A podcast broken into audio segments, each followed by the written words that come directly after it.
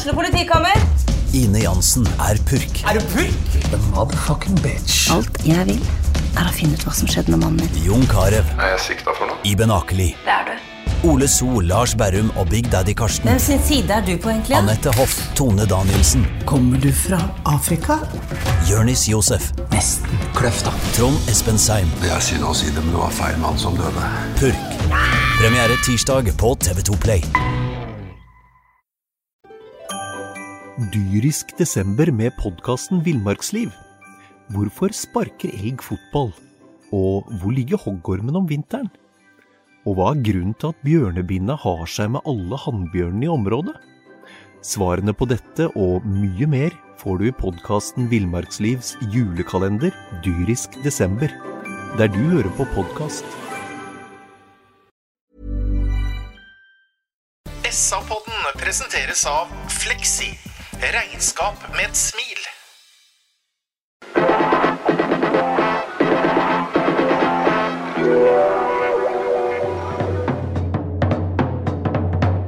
Sarpsborg Arbeiderblad gir deg en ny episode av SA-podden med Petter Kalnes, Øystein Weber og Bjørn Inge Bingen Nilsen. Hallo og hjertelig velkommen til en ny utgave av SA-podden. I studio så sitter en gjeng som uh, Sparta-trener Sjur Robert Nilsen garantert hadde døpt til førsterekka si. Og man har hatt dem tilgjengelig i hockeykatedralen på Brevik. For her sitter Bjørn Inge Binge Nilsen. Mannen som melder raskere sin egen skygge, men som sjelden tar mannen. Bare ballen. Bingen er Sjur Roberts power forward. Velkommen, Bingen. Takk for det. Her er også Sven René Nygaard. Det er vanskelig, Sven. Mann som hoster like ofte som han serverer fotballfaglige lekkerbiskener. På hockeybanen så ville den vært en rask og energisk høyreving med korte bytter. Hei, Sven. Hei, hei, Petter. Midten. En rutinert, seriøs, pliktoppfyllende og velfungerende senterforward. Om enn noe treg. Her er Øystein Weberg. Hei. Hei, Petter. Jeg heter Petter Kalnes, og jeg ville som alltid sittet på tribunen og sett på dette her med to vonde knær. Velkommen til SF-podden. Gutter, vi skal snakke om ikke bare én, men to fotballkamper. Eh, siden sist så har Sarpsborg 8 tapt 1-2 for Vålerenga og 0-2 for Lillestrøm. Siste kampen har vi ganske friskt i minne, for den har vi nettopp sett. Eh, Herr Nilsen, hva er hovedinntrykket ditt nå etter eh, at tre treningskamper er blitt spilt? Det er fint at vi har kommet i gang, men fra å være veldig positiv, så blir jeg utrolig skuffa over å se spesielt da Vålerenga-kampen. Vi ble rundspilt. Vålerenga var et godt lag. Man sier at Vålerenga har eh, kommet bedre i gang og fått trena mer enn oss, men uansett så syns jeg de kledde oss helt nakne. Jeg var ikke så positiv eh, som jeg leste at Stare var i eh, at han så Han delte det i tre. Det var noe dårlig, det var noe bra, så, midt på tre, og så var det litt bra òg. Men eh, Vålerenga dem, eh, Vi, vi skåret reduserte på slutten når de var inne i garderoben, og, og det var eh, det var ikke noe bra. Og jeg syns ikke det sitter på den siste tredjedelen. Verken eh, mot Vålerenga, og spesielt ikke da mot Lillestrøm, som egentlig er en, et nyopprykka lag som kommer til å kjempe ned i bånn der. Og vi taper 2-0 på hjemmebane, og det, det lover egentlig ikke, ikke, godt. Det er min ærlige mening. Vi var ganske positive Øystein, etter Stabæk-kampen, selv om det ble 2-2. Eh, Man leda jo 2-0 lenge der. Vår venn Ole Werner Mathisen kalte Vålerenga-kampen en realitetssjekk. Er det det vi har fått eh, de to siste matchene? Ja, det tror jeg vi kan si at vi har fått. Og én ting er Vålerenga-kampen, for det er jo som guttene her har vært inne på, at, at det er nok et lag som, som, tilhører eh, toppen i norsk fotball, sånn som kartet er nå. Det tror jeg ikke Lillestrøm gjør. Og Derfor så er det som skjer i dag mot Lillestrøm, litt sånn kort oppsummert, eh, veldig bekymringsverdig. Det er ekstra bekymringsverdig at vi i den siste tredjedelen av kampen heller ikke greier å prege denne kampen etter hvert som Lillestrøm bytter seg kraftig ned. Så, så oppsummert i dag så, så, er det veldig skuffende. Ja, for dere har helt rett i at LSK avslutta etter et veldig B-prega lag. Sven, jeg ble veldig overraska og litt uh, småirritert da jeg så at Stare går ut i en uh, 3-4-3-formasjon etter at han jo har brukt 4-2-3-1 uh, så langt i de to første kampene. Jeg syns nesten er å kaste bort en treningskamp. Hva tenker du om, om system og formasjoner nå? Nei, det, eh, først så sier jeg meg enig i det, Petter. at der, Nå er det, som å si, denne Oppkjøringssesongen her er jo veldig spesiell. Det er få treningskamper og må, må ta vare på hver eneste kamp eh, til de grader nå fram mot seriestart. og eh, Nå har vi spilt to kamper med, med en firer bak. Eh, ja, mot, Lille, eller mot Vålerenga så fikk vi kjørt vårs. Men jeg, jeg tror og holder på at Vålerenga er et veldig godt lag, selv om eh, Bingen sier vi blir kledd nakne. Der er jeg også enig i det. Men jeg satt ikke med så ekstremt dårlig følelse der som jeg gjorde etter Lillesheim-kampen i dag. Og vi fikk jo se det i dag, at hvis man skal spille med dette 3-5-2-systemet, eller det systemet vi spilte i dag, så er det funka jo ikke i det hele tatt i mine øyne. Og jeg syns han skulle fortsatt å kjøre videre på 4-2-3-1, eh, som han gjorde de to første kampene, for å trene ekstra mye på det. Eh, så får han heller ha det Trebekk-systemet sitt bare i banken bak hvis de må bruke de enkelte kamper i forhold til hvordan motstandere spiller, og at det kan passe bedre inn der. Men jeg syns ikke han skulle brukt denne kampen her i dag eh, til å gjøre det. For det vi så i dag, det var utrygghet. Du ser Karamoko bak der som plutselig ble stilt i en treer. Altså, han, eh, han, var jo svimmel i perioder, han også. Og de, de, er ikke komfortable i det hele tatt, sånn som det er i dag. Og så kan man si at man spilte med systemet i fjor og hadde enkelte gode kamper. Ja, ok. Men uh, nå virka det som man skulle satse på fire bak, og jeg forstår egentlig ikke hvorfor han ikke dro til med det i dag igjen. Og så tenker jeg en ting til, eh, Petter, og det er litt sånn systemuavhengig, som vi innimellom også er litt inne på. At det fins ikke noe system uh, som på en måte fanger fullt ut hvis du ikke treffer uh, makkeren din med en pasning. Hvis, hvis, du ikke evner å få til noe sluttprodukt, hvis du har en eller annen som fomler ballen over sidelinja, eller du har en som tar et pasningsvalg som er direkte feil, for den kan bruke bevegelsen til å dra seg motsatt vei isteden, det har egentlig veldig lite med system å gjøre. Så det er egentlig litt sånn tosidig. Men på spørsmålet ditt, det oser ikke heller intern trygghet i at vi i en kort kort oppkjøring som vi skal gjøre nå, benytter en av treningskampene nå til å snu også på formasjon. Jeg liker ikke det. For det er jo sånn Bjørn at eh, Normalt så spiller man ti, kanskje med tolv treningskamper. Nå er det fem. Har man da råd til å A. eksperimentere med system og B. stille såpass reserveprega som man tross alt gjør? Altså er, nå har man en kamp mot Odd og Mjøndalen, og så er det seriepremiere. Med fasiten i hånd nå, etter de to siste kampene med tap, så ser du at det her ikke er lurt. Det er jo ingen som spiller på seg trygghet. Det er jo ingen eh, som har de der iboende faste løpa. Når Saletros får ballen, så kommer et nydelig bakgrunnsløp av Rashad Mohammed. Det skjer jo ikke. Rashad Mohammed vet jo ikke hvordan han skal spille spiss. Og det er jo bekymringsverdig nå at både Fardal Opseth og Kone er ute med skade ikke så, eller det er også tråkig at uh, vår kjære venn uh, bak Hva heter han igjen? Han, uh, Dyrestam? Dyrestam også er skada. Men det klarer vi å demme opp med, hvor vi har flere spillere å dytte inn på som er mer jevne. Men at Rashad må spille spiss nå, det ser vi jo. Det, det går ikke. Og Kjemien, teknikken, nærteknikken, pasningsvalga, siste tredjedelen av spillet vårt er jo helt fraværende. Og det er jo ingen som kan spille på seg selvtillit ut ifra at man skal eksperimentere både med formasjon og laguttak og bytter i kampen mot Lillestrøm i dag. Det mener jeg. Helt enig. Eh, er det ikke bra Sven, å ha to systemer og, og kunne vingle litt imellom, hadde jeg nær sagt? Jo da. Det er... Ser du internasjonalt, så ser du stadig det nå. Ja, ja. Men, eh, men, eh, akkurat nå så har vi, ikke, har vi, ikke, tid til å bli trygge på to systemer. Eh, ja, vi har spilt med tre bak eh, mange ganger i fjor. Men vi må også ta høyde for at det kommer nye spillere inn og spillere går ut. Så de, de er ikke samkjørte hele gjengen her. Så jeg mener det at man heller får bruke litt av treningshverdagen til å spille, spille på seg litt trygghet med et system, og ikke bruke det i de få kampene vi har nå. For det er, det er seriestart straks.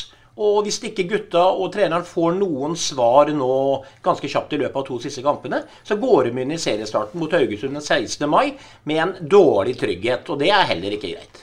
Vi satt i fjordbingen og snakka veldig mye om det du nevnte i stad, nemlig det som skjer på siste tredjedel. Altså fra 40 meter og inn på motstanderens banehalvdel. Eh, så langt i år så har den farligheten som har blitt skapt, det har ofte vært enkle løsninger på Rashid Mohammed som har sprunget fort. ikke sant? Eh, hvor er disse kombinasjonene som vi har sett etter? ser du noen framgang i det offensive spillet så langt? Nei, jeg, jeg gjør egentlig ikke det. Jeg ser, jeg ser litt kombinasjonsspill av Ole Jørgen før han blir skada i dag, og Erik Vikne på, på høyresiden. Det gjør jeg. Eh, det er jo helt fraværende på venstresiden, der eh, det blir vendt hjem. Joakim Thomassen tar med seg ballen, transporterer den opp, slår et par innlegg, vender som regel hjem, slår sideveis til det beste, eller slår hjemover. Anton Saletros er dy, for dyp i ba banen for å være i posisjon til å slå de der giftige pasningene sine som kan gjøre at en spiss kan trekke i bak- bakrom. Men der Ja, for å kalle en spade for en spade, da tror jeg fotballintellektet til Rashad Mohammed eh, svikter. Når han skal eh, by seg fram eh, med nærteknikken sin og være møtende spiss f.eks., det, det, det skjønner vi jo at går gærent. Han må frigjøre seg. Han må på en eller annen måte klare å bryte linja eh, fra sidelinja og skjære inn i banen. Der må pasningen komme på han. Og da syns jeg Anton Saletros i dag blir eh, liggende for langt tilbake. Nicolay Næss prøver å slå noen flotte baller, men jeg syns ikke det Det er mer tilfeldighetene som avgjør om vi får mål eller ikke, altså, enn at det er opptegna på tavla at der, skal han komme, og der skal han sitte. Tredje kampen på uke, så er det noe fysisk her som gjør at det blir som det blir? Nei, det er for dårlig unnskyldning. Uh, tre kamper på uke høres ganske tøft ut, men, uh, men hvis vi oppsummerer minuttene som er fordelt her, så er det ikke tre fulle kamper på noen her. Uh, så så det, det kjøper jeg ikke. Og det er ikke noe spesiell eh, forskjell på oss og noen andre heller på en måte på dette her. Det er, det er tøff oppkjøring for alle. Det er en komprimert oppkjøring for alle. Så, så det, det er jeg ikke med på at, det, at vi skal henge det på den knaggen der. Vi skal ikke gå gjennom de to kampene, men jeg har lyst til å gå gjennom lagdelene. og Vi snakker litt om de ulike lagdelene i Start 8. Vi starter bakerst. eh, Bjørn Inge, det er naturlig å vende oss, at jeg vender meg til deg eh, som gammel eh, Han var proff. Ja, profesjonell i Tyskland i mange år. Tyskland i mange år. Ja, da han har lagt opp mye kroner, er jo Ja, det, det må vi ikke sett noe til. Nei, du, de er saltander. Nå blir vi litt, eh, det, Du hadde egentlig et godt resonnement med på gang, men uh, Bingen. Ja. Anders Kristiansen. Ja. Uh, hva mener du så langt? Nei, jeg sa jo ganske tidlig at jeg syns at den lagdelen på en måte har blitt svekka Anders Kristiansen i forhold til Mito Nilsson. Anders Kristiansen er en bra reaksjonskeeper. Men du må også, også forvente at en keeper på eliteserienivå skal gå i feltet på innlegg og høye baller og cornere. Jeg tror etter eh, rundt 25-30 minutter mot Vålerenga om onsdagen, så hadde de åtte cornere. Anders Kristiansen fikk en eh, av egen spiller eh, mellom seg og en mann som Vålerenga la på keeper. Så ble han stående der og døtte på dem to, istedenfor å frigjøre seg og få fart inn i situasjonen og plukke baller. Og jeg blir egentlig litt sånn skuffa når jeg ser at vi nå spiller i Eliteserien med, eh, med, eh, med en keeper som eh, på en måte ikke går i feltet. Da. Jeg er redd det kommer til å bli veldig, veldig veldig skjebnesvangert. Han har reaksjonsredninger. Han er en flott keeper som kommer ut og, og søker skudd. Nå kommer alene med deg osv. Har en fantastisk redning i dag. Men skulle, jeg skulle gjerne sett at han hadde litt av det andre òg. Som forsvarsspiller Sven, så var det jo sånn, som jeg kan huske i hvert fall, at det var veldig deilig når du hadde en aktiv keeper, og du visste at han kom. Eh, Jeg har det inntrykk av at eh, stopperne til 08 de er litt usikre på om han kommer du nå, Anders, eller gjør du det ikke, liksom. Eh, Da blir det et stort ansvar på forsvarsspillerne. Ja, det, det er som jeg sa litt tidligere, dette her med trygghet generelt i laget. da. Det, det gjelder jo absolutt en, en keeper opp imot et forsvar, eller opp imot et helt lag, for å si det sånn. Og jeg er veldig enig i alt Bingen sier her, faktisk. fordi at han er en fantastisk god keeper eh, på strek. Han er god når du kommer aleine med det. Han er også veldig god med ballen i beina. Han har gode utspark på halvvolley, som kan være kontringsting. Så han har en del ting som mange andre keepere ikke har. Men jeg bet meg også merke i den situasjonen eh, i dag hvor eh, Thomas Stene Olsen skårer. Så kan man diskutere om det var frispark eller ikke. Men det innlegget der går høyt, og det går lenge. Og Anders mener jeg skulle rekt å komme seg inn i den duellen. For det er ikke farlig å gå i duell med egen spiller og motstander når Thomas Lene Olsen står på én meter. For hvis Thomas vinner den, så, så skårer han antageligvis uansett. Så der fikk du se kanskje en lite svakhetstegn hos eh, Anders. Men det har vel vært sånn bestandig. Han var jo god hos oss eh, tidligere også, men han hadde ikke styrken i feltet. Og jeg tror at den styrken kommer aldri til å komme heller. Men eh, så får vi håpe at han tar igjen på alt det andre. Men vi så også Anders Kristiansen på sitt beste i dag, og det er når vi blir totalt eh, overspilt på høyrekanten, og han er god på nære, nærskudd. Men der, Sven, da, får du uttale deg som gammel forsvarsspiller. Nå har jeg egentlig satt plusser i margen veldig ofte jeg, på en Sebastian Jarl, men måten han rygger på der i den situasjonen der Han, han ber om å bli satt helt fullstendig ut av den situasjonen, og pasningen blir lagt eh, i rommet ved siden av han. Ja, ja. Når, eh, når eh, de kommer i fullt firsprang mot deg, og vi står igjen med tre mann bak. Eh, Sebastian er jo den situasjonen der mot han svenske Gustavsson. Gustavsson.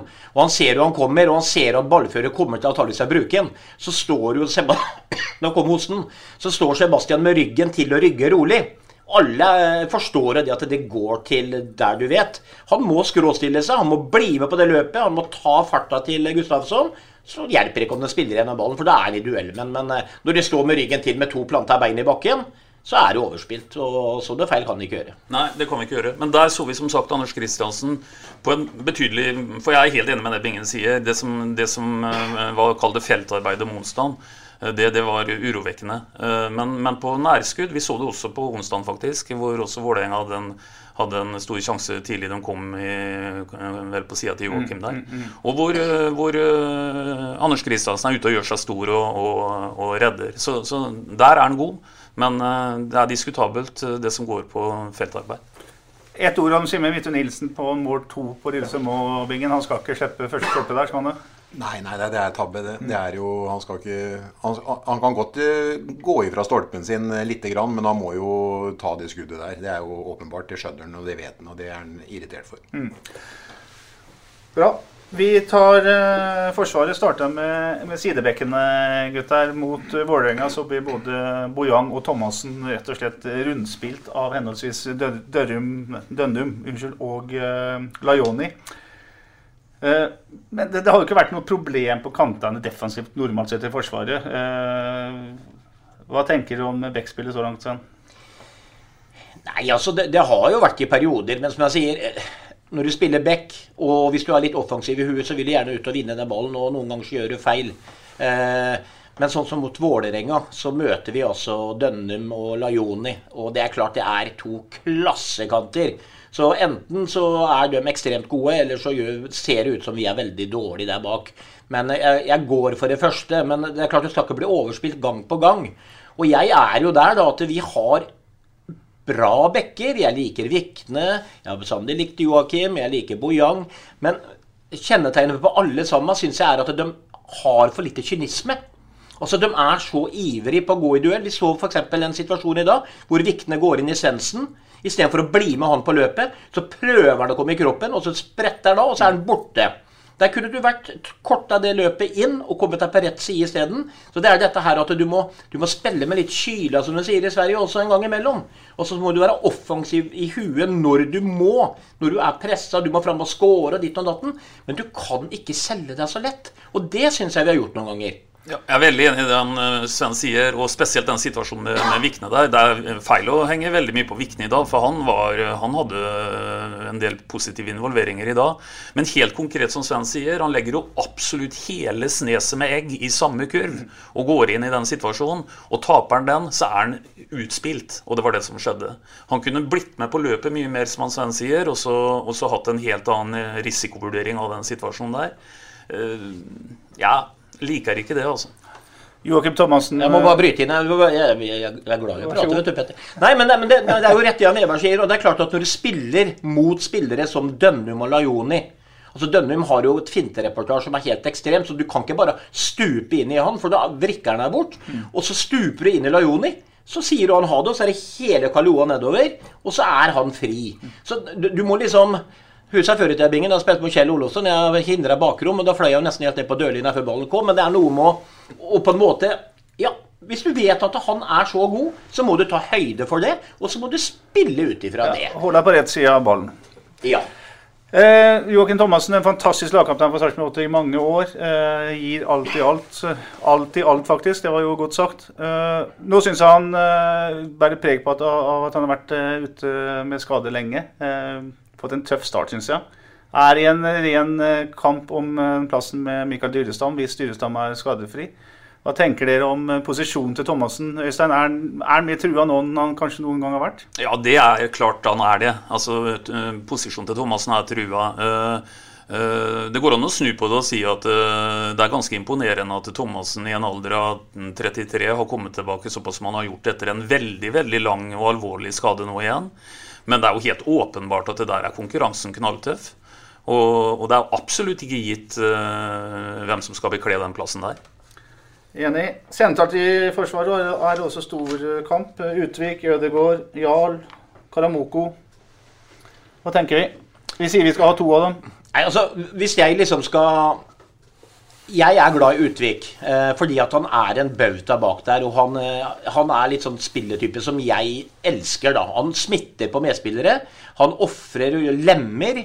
Han går i krigen. Han sier til de andre at nå må vi få Ikke sant? Komme i gang. Han smeller på. Og så må jeg bare si det at eh, ja, Ødegård han har gjort noen pasningsfeil og har gjort noen feil i fjor. Men han er i mine øyne nesten en av de mer stabile. Han gjør, Jeg syns Ødegård gjør færre feil. Og så har han så mye i seg. Han er god i dødballspillet. Han har bra pasninger. Så Personlig så syns jeg Ødegård eh, per nå Magnar forsvarer en plass. Jeg er enig med deg, og jeg syns at Karamoko har skuffa litt, uh, Bingen. I hvert fall i dag mot Lillestrøm. Ja, men jeg, jeg vet det, nå må Dyrestad bestemme seg for om han skal spille med en treer eller firer, og det, det, det Stare. Dyrestad tar ikke ut det laget der.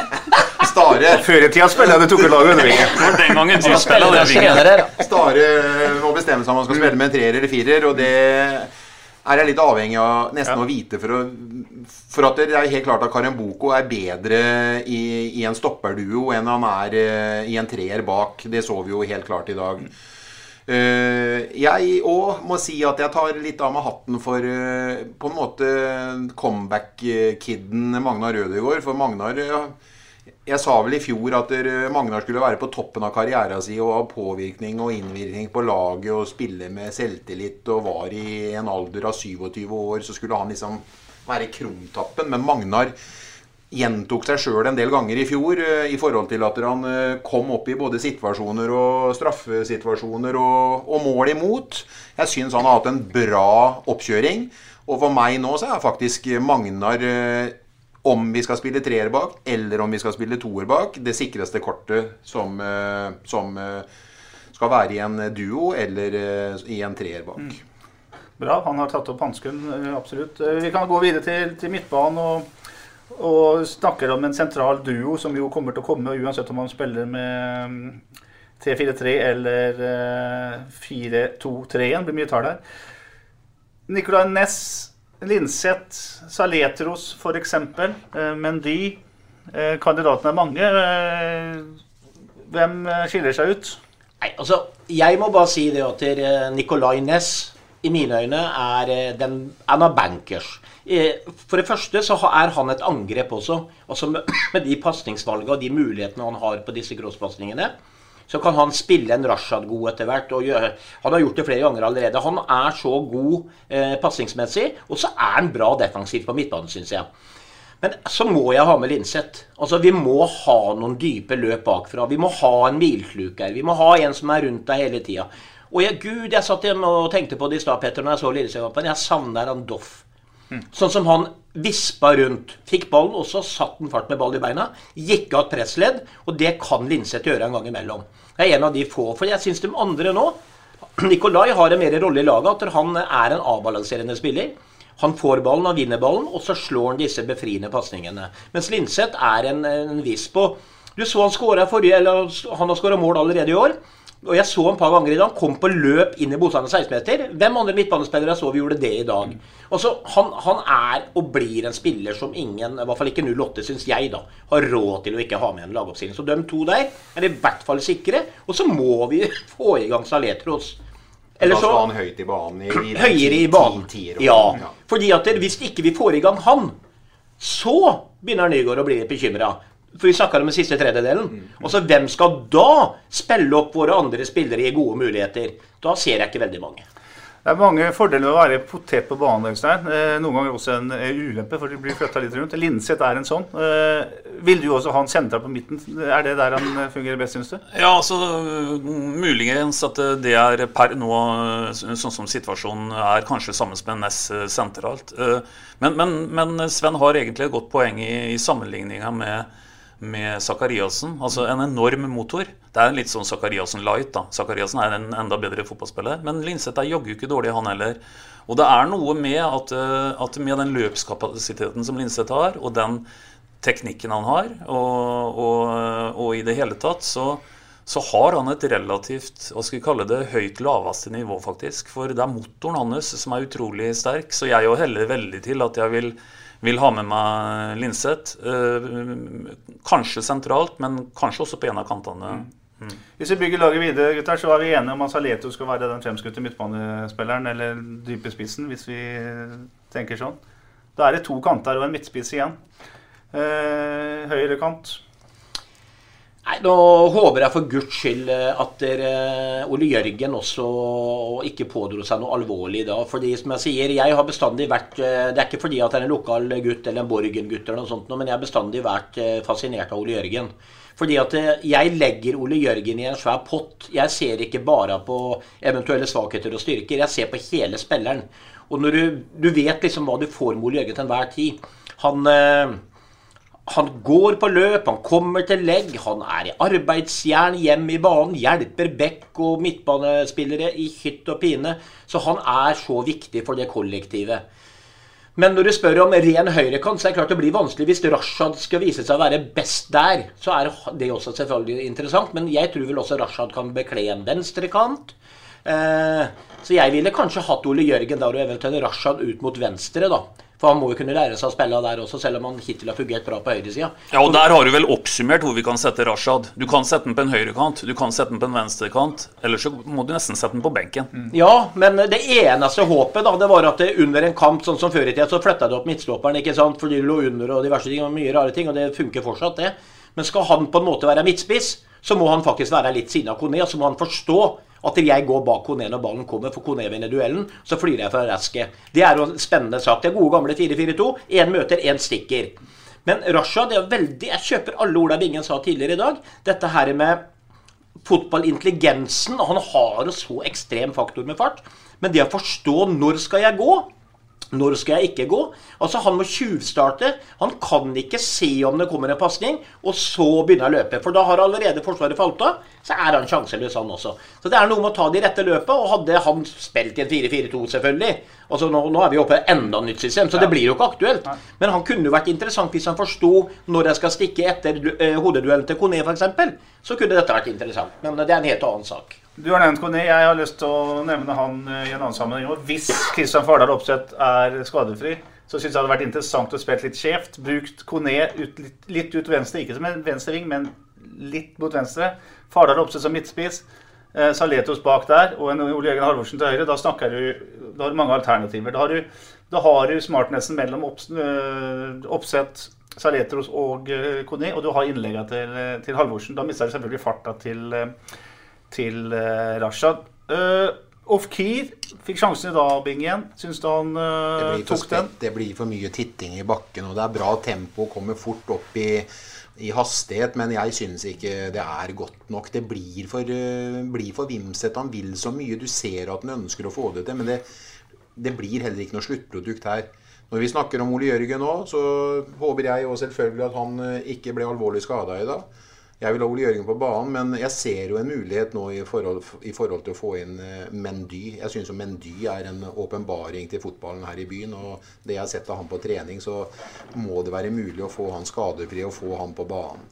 Og selvfølgelig så håper jeg det medisinske klarer å få Kone på plass nå, for det er en viktig spiller for laget. Det var liksom han som skulle være den eh, den derre tanken vår. Altså. Og jeg så jo eh, han og Fardal eh, Fardal trakk ned som, eh, støtt, mm. som, som, møtende spiss. Når var det? Var det før koronaen stengte? Var det den kamp da? Internkamp. Internkamp. Mm, ja. De fungerte jo glimrende sammen, dem to. Fardal hadde jo et veldig klokt fotballhode og klarte jo å vinkle dem i bakrom ved at han sjøl møtte. Så det er litt synd at det har gått så gærent nå at to av dem vi håpa veldig mye på der framme, er borte. Dyrisk desember med podkasten Villmarksliv. Hvorfor sparker elg fotball? Og hvor ligger hoggormen om vinteren? Og hva er grunnen til at bjørnebinna har seg med alle hannbjørnene i området? Svarene på dette og mye mer får du i podkasten Villmarkslivs julekalender dyrisk desember, der du hører på podkast. Ja, og ikke minst så må dere grave litt nå, Petter, i forhold til hvor, hvor er, hva er status her i forhold til disse skadene. For nå har jo faktisk en hel lagdel mer eller mindre blitt eh, radert ut, sånn som stø- situasjonen er nå. Vi sitter og leker med et laguttak som inneholder en Ole Jørgen på høyre, en Fardal sentralt og en Cornel litt skjevt, eh, som du sier. Og per i dag så er ingen av dem tilgjengelige. Og, og hadde vi dårlig tid fram til 16. mai for en uke eller to siden, så har vi jo nå fryktelig god, dårlig tid fram til en seriestart. Så mm, det er også ytterligere ting å tenke på i forhold til det. Vi har nevnt mange fine fotballspillere, gutter. eh, Men Geir Bakke sa alltid det at han håpa at noen i laget sitt uh, steppa litt opp. Var bedre enn de andre. Merkbart bedre enn eh, de andre. Kamp etter kamp etter kamp. Vi har sittet og sett på Thomas Lene Olsen i dag. Definitivt bedre enn de andre. Eh, vår venn på midtbanen til eh, Matthews. Matthews var bra. Eh, kommer jeg ikke på navnet hans heller. Gjermund Aasen, selvfølgelig. I klasse for seg sjøl. Er det fare for at eh, Thomas Berntsen har, har henta så mange spillere som er på omtrent eh, samme nivå, at det er nesten hipp som happ hvem som velges? Men Ja, det jo, men, men det er jo politikken, da. Altså, Når sist henta vi en eh, Kall det en stjerne. For Gjermund Aasen kommer fra masse kamper i Rosenborg. En meget god spiller.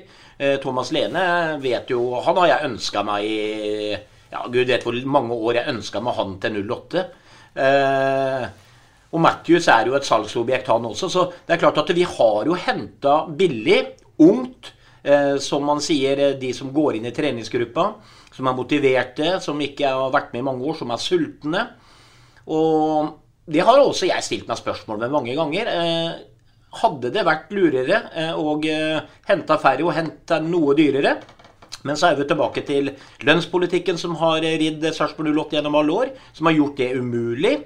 Så men Det er sånn etterpåklokskapens eh, sak, men det er vel rett og slett vært politikken til både Berntsen og Sarpsborg 08 i alle år, og den har fortsatt i år, tenker jeg.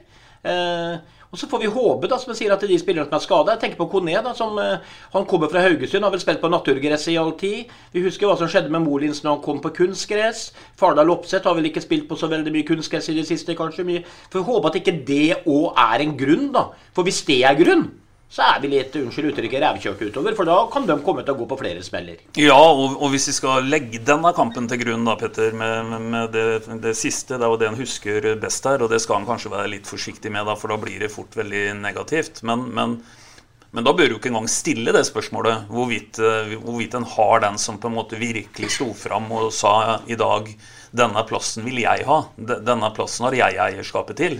For, for, for det var det jo ingen som gjorde. Så, så, men igjen, det, da, da bygger vi jo analyser veldig på akkurat det siste som har skjedd. Da. Men det som setter liksom eh, Stare og Berntsen helt sjakk matt her nå For jeg har jo egentlig skrøt av, av, Berntsen i år, jeg, eh, i forhold til eh, det man har henta. Det som setter dem sjakk matt, er jo Kone og Fardal Opseth nå. Det her får du ikke skader, får du ikke gjort noe med. Men når du henter to som skal være profilerte da, i, for oss, og som er tiltenkt den, eh, den plassen at begge to går på en smell. Da må vi begynne sånn å surre igjen. Da vi spilte med Hein som spiss og Ruud Tveter som spiss, og når vi holdt på sånn i fjor Det blir jo ikke godt nok. for Da må vi finne, da må man finne kruttet litt på nytt igjen. Og det er veldig, veldig synd nå. Så jeg eh, jeg håper Berntsen fortsatt er på jobb, men hvor skal du finne s- nå? Først og fremst må det medisinske få dem kla klare. Ja, Men nå er jo ikke sikkert at det er så ille som vi prater om. Altså, jeg vet ingenting om Fardal Opseth og Kone, hvor de ligger. Eh, og hvor skada de er. Er de rett rundt hjørnet, osv. osv. Ja, det høres ut som vi ikke har forberedt oss eh, noen ting på å gå i studio nå. Men altså, poenget er at, eller saken er nå at det er litt det er uvisst med Fardal Opseth. De har ikke fått det endelige svaret ennå. Iallfall ikke som de vil gå ut med offentlig. Der er det snakk om en lyskeproblematikk, skråstrek mageproblematikk. Det kan være en stekt magemuskel, det kan være en lyskesak, det, det vet vi ikke ennå. Kone eh, halta av mot Vålerenga, fikk seg en liten smell. Jeg tror ikke det så veldig alvorlig ut, men han har heller ikke vært på trening etter det. Så vi, vi, vi vet ikke, så vi sitter som noen uh, store spørsmålstegn her. Men Berntsen sa et eller annet nå om at uh, jeg må på jobb igjen. Er, hvis Fardal Opseth er langtidsskada, mm. må de hente en spiss til? Ja, jeg ser ikke noen andre som du skal kunne omskolere her. Vi er vanskelig Ja, du har Kone og Skålevik, selvfølgelig. De to. Ja, Skålevik er jo et uh, hel vedprodukt, men om det lukter så mye mål av det, det, det vet jeg ikke. Vi, Det gjør jo ikke det, Nei, Bingen. vi må jo liksom satse på at vi har fått en spiss i Kone som vi skal ha på banen og skal skåre en 12-13 mål. Vi må opp på et nivå snart, vi òg. Skal vi klare oss å klare oss? Jeg tror ikke Rashad Mohammed har eh, avslutningsferdigheter til å, å gjøre det. Og jeg blir liksom litt sånn i tvil når jeg ser han løper seg fri så mye som han gjør mot Vålerenga, at den derre siste pasningen, det går jo du vet jo aldri hvor den havner hen, den heller. Det er, det er ikke godt nok, men han er et aktivum. Han klarer å gjøre, sørge for at eh, lag ikke tør å stå så høyt eh, oppe og spille oss eh, veldig lave, for da vil eh, Rashad i hvert fall være et aktivum. Så han binder opp eh, forsvarsspillere. Og det er positivt. Men det må gå an å finslipe litt på pasningskvaliteten når han kommer til så mye fine Og han har jo så vilje, den gutten. Han går jo på løp etter løp etter løp, og det gjorde han mot Vålerenga òg. Så jeg ønsker at han skal lykkes, men det ser så er så liksom så utgjort når du ser den der siste pasningen tvers over eller en femmeter, eller at den surrer den utover sidelinja. Altså, det er ikke godt nok for eh, Eliteserien. Nei da, eh, men jeg, tenker bare at jeg må bare si noen ord i forsvar for Skålevik òg, da. fordi det, det er jo ingen tvil om at han eh, har eh, Han har ikke vært noe høgstabbe, men, men vi har eh, Det virker jo ikke som det oser tru ut av Skålevik eh, her i gruppa heller. Men han brukte fire sekunder i dag på å gjøre livet surere for eh, Lillestrøm enn eh, eh, Rashad gjorde i en hel fotballkamp. Ved å tippe ballen og dra på et gult kort. Og han legger en ball tilbake til Conté der, og han kommer til en heading. Så det er klart at en mann som kommer til sånne sjanser, han plutselig begynner å skåre.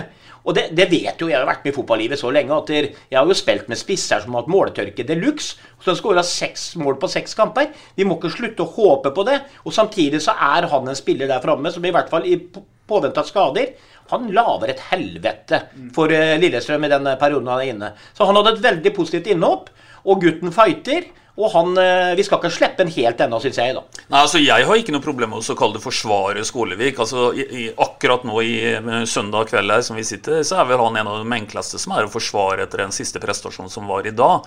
For, for eh, Skålevik vi leverer jo det, det, det vi kan forvente av han, og det er helt riktig som du sier, Sven. at at det er en hardtarbeidende gutt. Og det er også helt riktig å si at, at det er grunn til å tro eh, at hvis en først eh, begynner å skåre, så kan det hende at det bor noen flere skåringer i det. Men, men allikevel så er det sånn at eh, hvis du spør meg om det lukter mange mål av Skålevik, så, så må jeg være ærlig og si at det gjør ikke det. Men, eh, men jeg er helt enig ut ifra at eh, han, eh, Det tar jo ikke veldig lang tid før eh, før eh, Lillestrøm i dag pådrar seg et gult kort. Man er nødt til å klippe ned Skålevik ut på kanten der, hvor han når den ballen først og går i duellen og jobber hardt.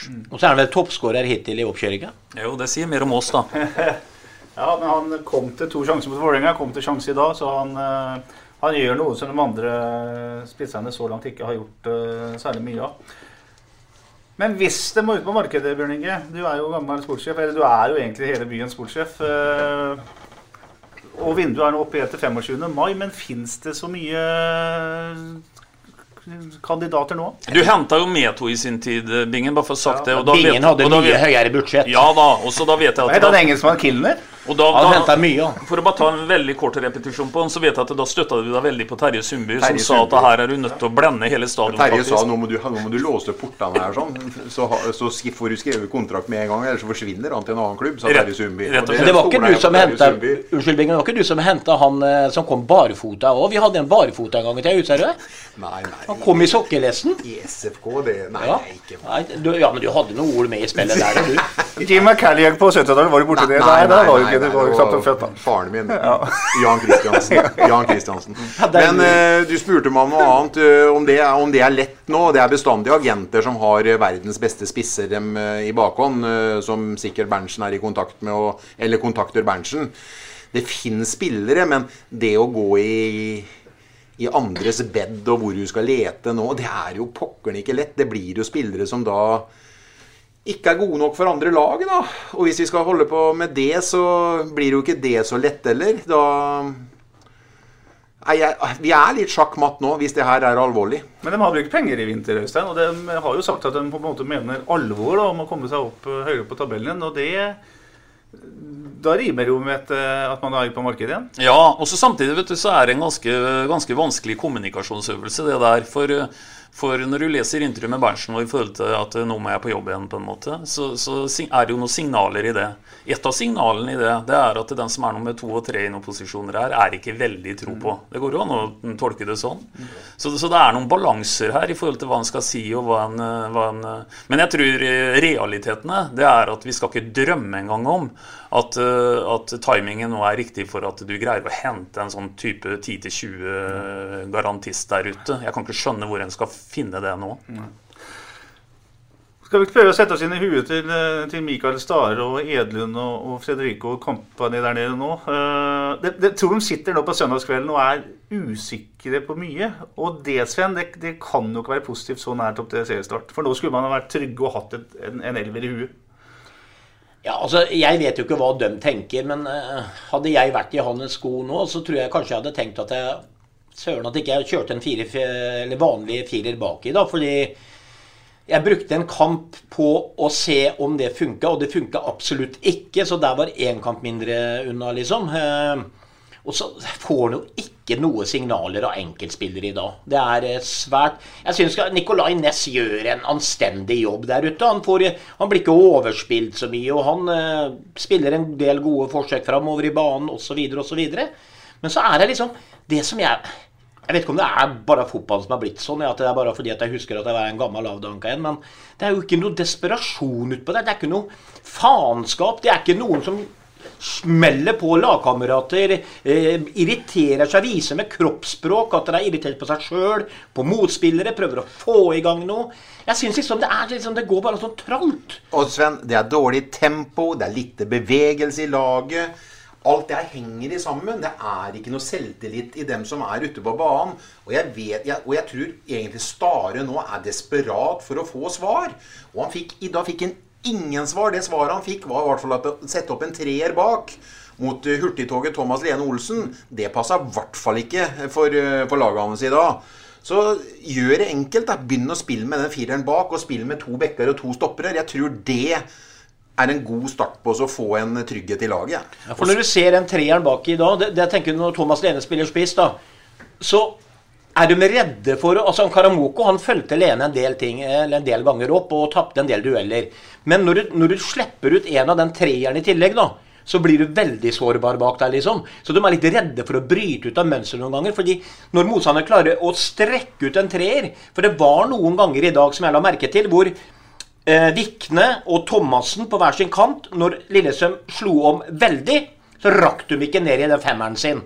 Og da er Roma så svære, og da må den høyre kanten eller venstre kanten ut. Så står det igjen med to breie midtstoppere inn i midten der. Og da er det hele Karl Johan, og da er det mye løpsmuligheter. Så da kommer utryggheten med en gang. Så når ikke vi detter ned på sidene, så er dette her kjempeskummelt. Og det var ikke hver gang vi klarte det i dag. Nei, og det er helt riktig som Sven sier. Et av eksemplene var nettopp da, da Jarl står veldig uh, Han rygger veldig direkte, og, og, det er kjemperom. Da står vi ganske bredt med en treer. Det er kjemperom mellom sentrale stopperen og, og, og Jarl for å stikke den ballen igjennom. Og det resulterer jo i en av kampens største sjanser. Men bare en tilleggskommentar til det med desperasjon, du, som, som en i hvert fall kan måle litt på. Altså, Vi er vant til å se fotball i forhold til at det er veldig mye støy rundt. Det er ikke noe, for det er ikke noen folk også ser på. Da burde det i hvert fall vært litt leven ute på den banen. En burde høre noen meldinger som på en måte gikk. Men det er også lydløst. Det er jo ikke noe, det er jo ingen i dag som får ei skrape av, av, av makkeren sin hvor han blir bedt om å uh, liksom ordentlig Nå får vi krumme hempa. Så, så, så det, det, er, som du sier, Sven, eh, også et uttrykk for at det er noe tamt. altså. Men jeg vet ikke om det er bare datt vekk fra moderne fotball, for jeg, jeg syns det er ganske sjeldent. Men, men en må jo bli frustrert utpå der. Altså Hvis man spiller på sentral midtbane, du bare løper imellom, du blir mer og mer sliten, du får ikke tak i ballen, det laget skårer mål mot deg, skårer ett mål til mot deg. Og så at da man ikke Det flyr en faen i deg, liksom. At, at du ser den irritasjonen, da. Den sulten etter et eller annet. Jeg vet ikke om, eh, om, det er et poeng i dagens fotball, eller om hva trenere syns om det. Liker de at eh, spillerne tar et ekstra tak, feier ned en, drar på seg gult kort, får opp temperaturen? Altså, Du ser jo det i Premier League. At korta hagler jo. Man, man, blir frustrert og feier hverandre ned og får med seg lagkameratene litt. Ja. Det syns jeg liksom har blitt så veldig borte i norsk fotball. Ja, For å bruke et uttrykk som Øystein bruker ofte, det der går aldri av moten. vet du. Å ta et gult kort for laget stygt for å på en måte skape en eller annen eh, energi eh, rundt det. Eh, men det vi har snakka om Sven, i, poden tidligere, er at det er så mange i det 08-laget av lederne som på en måte ikke er offensive, eller de er ikke kreative, de har ikke ballen i laget. Jeg savner den som ikke er Utvik. da. Utvik går jo foran og smeller til. Men jeg savner den som er, gjør dette her på en måte med ball. Ja, da. Som gjør den der geniale stikkeren som åpner reelt forsvar. Som liksom slår i en tunnel og kipper en pasning til Rasha i bakgrunnen. Alt det greiene der. Jeg, jeg ser ikke han heller nå. Nei, og vi snakka jo sist om å øke betydelig risikotaginga når du er inne på, på motstanders banehalvdel, og det så vi jo heller veldig litt Det så vi også veldig lite til i dag. Eh, det er som Bingen sa, vi så kanskje noe antydning av noe kombinasjonsspill mellom Vikne og Halvorsen tidlig i kampen. Ellers er det veldig lite den ser. Og, og etter hvert så begynner det jo nesten å lure på om, om Saletros også litt sånn resignerer i forhold til den rolla. Han blir jo dypere og dypere og dypere utover i kampen. Og er jo nettopp der vi har etterlyst eh, at han ikke Eller ikke etterlyst, og der vi har sagt at han helst ikke skal være. Og bruke krafta si offensivt og ta sjanser. Det gjør ikke så veldig mye om du mister ballen langt inn på motstanderens banehalvdel, men vi ser jo ikke sjansetaking heller. Nei, og, men eh, vi har glemt en viktig ting her. Jeg tror også, jeg, jeg var faktisk mektig imponert over Lillestrøm i dag. Geir Bakke, det han har fått til der nå, eh, fram mot den kampen her. Eh, de spiller med fire unge gutter bak der, og de var organisert, altså. De var meget bra organisert. Og så tenker jeg den siste tredjedelen. Men Saletros, ja, han hadde ball i mellomrom noen ganger, men for å forsvare Saletros hvordan i svarte skulle han finne gode løsninger, spesielt sentralt? Det er jo ikke et initiativ. Og så Akkurat i dag så ser vi at Rashad han, altså, Når han ligger på 16 meter med folk i ryggen, så kan han ikke møte med syv gulkledde rundt seg. Han, han, må strekke på seg, han må prøve å finne noen ledige rom. Men det var jo ikke. Det eneste muligheten dag, det var å få den ut til en kant, gå på en overlapp, prøve å slå et innlegg. Men slå innlegg Ole Jørgen heller gjorde ikke det, men jeg forstår gutten veldig godt. Altså Hvis du har bare Rashad inne i 16-meteren, og han ikke har porsjonert seg, er det jo dumt å slå det innlegget. Da er det faktisk lurt av Ole Jørgen og Joakim Thomassen og de gutta til å rulle den tilbake. For da mister vi ikke ballen, i hvert fall. Nei, det er jeg helt enig i. Og vi var jo også innom det litt eh, sist. Eh, altså, du, kan, du, kunne se egentlig mot Stabæk, da, så kunne du se på kroppsspråket til Ole Jørgen da, mm. at han hadde mye, mye mer tro på det som befant seg foran målet i år, enn det har vært eh, tidligere. For nå kom disse innleggene. I dag gjør de ikke i noe særlig grad det, og det er jo som Sven sier. Eh, det er jo rett og slett pga. at en tror ikke veldig på at det skal bli noe sluttprodukt av å lempe den ballen inn på en, en Rashad inne i midten der. Fotball er ferskvare, gutter. Det vet vi mer enn de aller fleste. For en uke siden så var vi ganske fornøyd med kamp mot Stabæk. I vinterbingen så har vi vært eh, fornøyd, og du har til og med sagt at du hadde egentlig ikke tenkt å være optimist, men så har du blitt allikevel. Eh, satt litt på spisen. Nå har vi svartmalt situasjonen litt nå hva er hovedinntrykket ditt nå? Er du fortsatt optimist med tanke på at Sarpsborg skal ha en bedre sesong enn de to siste åra? Nei, jeg er ikke det. For Stare må finne ut av hvordan vi skal spille. Jeg syns ikke Stare får ut potensialet i, i, laget sånn som vi fomler eh, foreløpig. Eh, null selvtillit i laget etter eh, den kampen her, og i hvert fall ikke noe selvtillit etter Vålerenga-kampen. Eh, vi kan godt klage på at vi ikke er helt der, men det er likt for alle, som Veberg sa i stad. Det, det er en snål oppkjøring. Og så er det bekymringsverdig det med Kone. Og så håper jeg jo selvfølgelig min kjære venn fra Mali, surrer med navnet igjen, Mendy. Mendy, at han eh, kommer seg frisk og rask på bane. For det er en X-faktor. Vi heller være litt overbærende med at det kan bli noen feilpasninger innover i banen, og at den gjør uh, misser noen, mange ba noen balltap. Uh, kanskje høyt i banen, men du får så mye plusser med sånne spillere. og Det kan vi huske fra Kolibali, og han her har enda mer rå, rå fart. Altså både hvor han driver med ball og han kan skyte fra distanse. Han har knekt den koden òg, så det er en spiller vi kan håpe på. Men jeg er veldig usikker på hvor vi står nå etter de to kampene her. sånn Jeg syns, vi, jeg syns det er bekymringsverdig at Lillestrøm girer opp så ille og har et så høyt tempo i laget og så stor bevegelighet i forhold til oss, som er helt fraværende for oss. De er nyopprykka. De skal egentlig kjempe der nede de har gjort de siste fem åra. Mm. Og så er det vi som liksom blir overkjørt litt i dag. 2-0. Ikke noe god følelse. Så akkurat nå i dag så spilte vi faktisk med et nedrykkslag, spør du meg. Det hører med i historien at Lillestrøm stilte med toppa lag i, iallfall i første omgang. Eh, mens Sarpsborg jo har en, eh, noen eh, i bakhånda på benken. Øystein, er ikke mer enn et par uker til du skal sitte her og komme med et uh, tabelltips. Uh, akkurat nå så føles ikke det veldig enkelt? Nei, uh, det gjør vel ikke det. Og nå er vi nok veldig prega av det, som sagt, det siste vi har sett og hørt.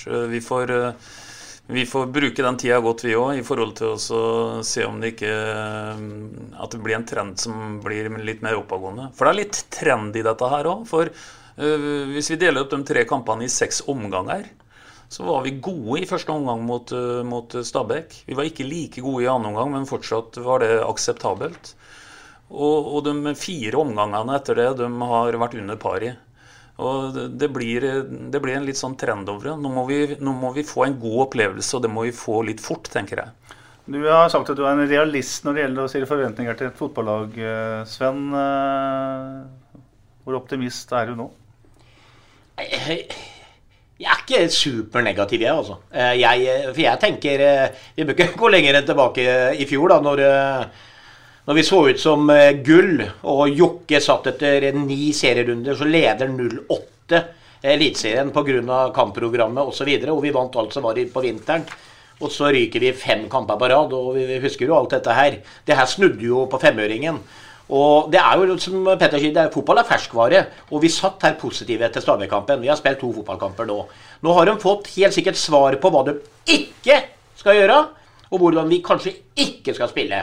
Men så har jo nøkkelen at eh, de to gutta på topp som var henta for å forsterke, det er jo ikke noe Sare kunne se for seg, og nå må vi få i gang i hvert fall én av dem. Så tenker jeg at det her justerer dem inn. Jeg er ikke så negativ. Jeg, jeg, tror gutta kommer grusomt tilbake og kommer til å spille en god kamp mot Odd, som er en medalje eh, Kanskje en medaljefavoritt. Poddens overtid. Matt Busbys ord om at 'football is nothing without fans' har fått et nytt innhold den siste uka. Sir Matt, skotten som revolusjonerte manageryrket ved å være aktiv med under treningene, iført treningsstress, og ikke bare sitte på kontoret. Han som overlevde München-tragedien og deretter bygde opp et Manchester United-lag som ble tidenes første engelske europacupmestere da de vant serievinnercupen i 1968. Han skjønte hvem fotballen er til for, og hvorfor fotball betyr så mye for millioner av mennesker over hele verden. Han ville garantert snudd seg i sin grav om han hadde sett forslaget fra tolv europeiske giganter deriblant Busbys egen klubb, Øystein, Sven og mitt favorittlag Manchester United, om å starte en egen, lokket og eksklusiv fotballgutteklubb kalt Superligaen. Ja, her fikk vi jo i praksis se det, hva som skjer når ledere med et maktbegjær som er betydelig sterkere enn kjønnsdrifta Det siste er antagelig ikke så veldig vanskelig å forstå, for dette er jo godt voksne, godt voksne menn. Uh, fjerner egentlig det som er hovedelementet i fotball, nemlig konkurranse.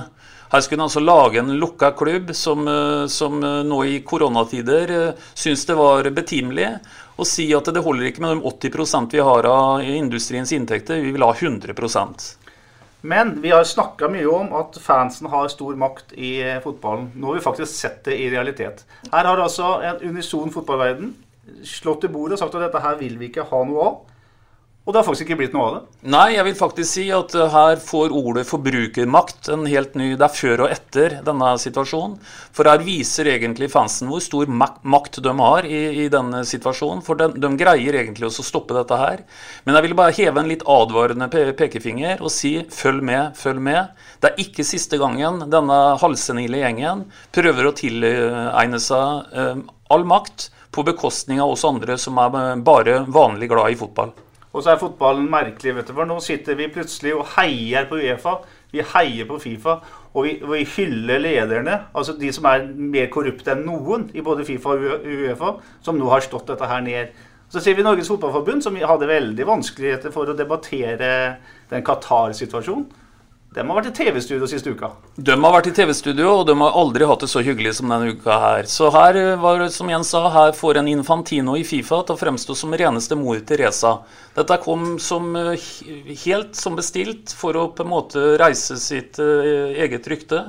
Men eh, en veldig enkel sak når, eh, når som sagt denne gutteklubben greide også å komme med det forslaget. Som Åge Fridtjof Hareide sa, av alle ting jeg har hørt om i fotballen gjennom et langt liv, så er dette det dummeste jeg noensinne har hørt om. Og I likheten med Sir Matt Busby så vet Åge Hareide hva han eh, snakker om. Flott. Det var dagens eh, overtid. Vi er tilbake med en ny uh, podkast etter at Sarpsborg 08 har gjort som Sven René Nygaard eh, spår. Reist kjerringa. Det var Jamfar som snudde kjerringa, men eh, Sven han skal reise kjerringa. Nei, det må vi ta om igjen. Sorry. Sorry, Thomas. Jeg tar det om igjen.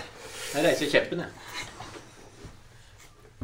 Jeg var, var ikke helt sikker på Nå kommer den, Thomas. Det var dagens eh, overtid. Vi er tilbake eh, med en ny podkast etter at Sarpsborg 08 har gjort som Sven René Nygaard spår, og reist kjerringa og slått Odd neste søndag. Inntil det så sier vi bare Vi Ha det bra. SA-podden presenteres av Fleksi. Regnskap med et smil.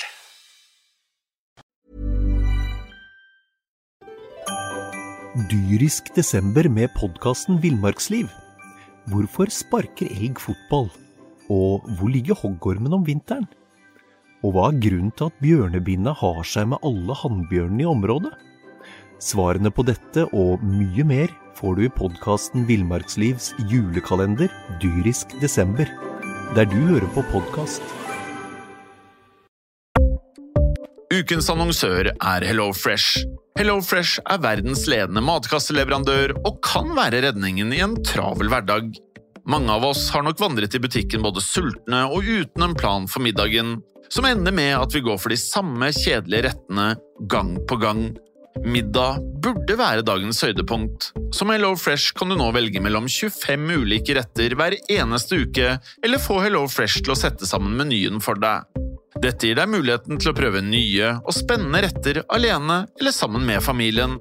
Du velger antall porsjoner og får alt levert på døren på et tidspunkt som passer for deg. Oppskriftene er enkle, og maten er lett å lage både for store og for små. Ved å få alt levert hjem får du også mer tid til å dele matgleden med familie og venner. Kanskje det frister med asiatiske tacos eller greskinspirert kylling? Da kan jeg anbefale deg om å gå inn på hellofresh.no. Her kan du bruke koden FOTBALL og få opptil 1779 kroner i rabatt på de første fem matkastene hvis du ikke har prøvd HelloFresh tidligere. Du kan også bruke rabatten hvis du har vært kunde og stoppet abonnementet ditt for tolv måneder siden eller lengre. Gå inn på hellofresh.no og bruk koden FOTBALL. Har du et enkeltpersonforetak eller en liten bedrift? Da er du sikkert lei av å høre meg snakke om hvor enkelt det er med kvitteringer og bilag i fiken, så vi eh, gir oss her, vi. Fordi vi liker enkelt. Fiken superenkelt regnskap.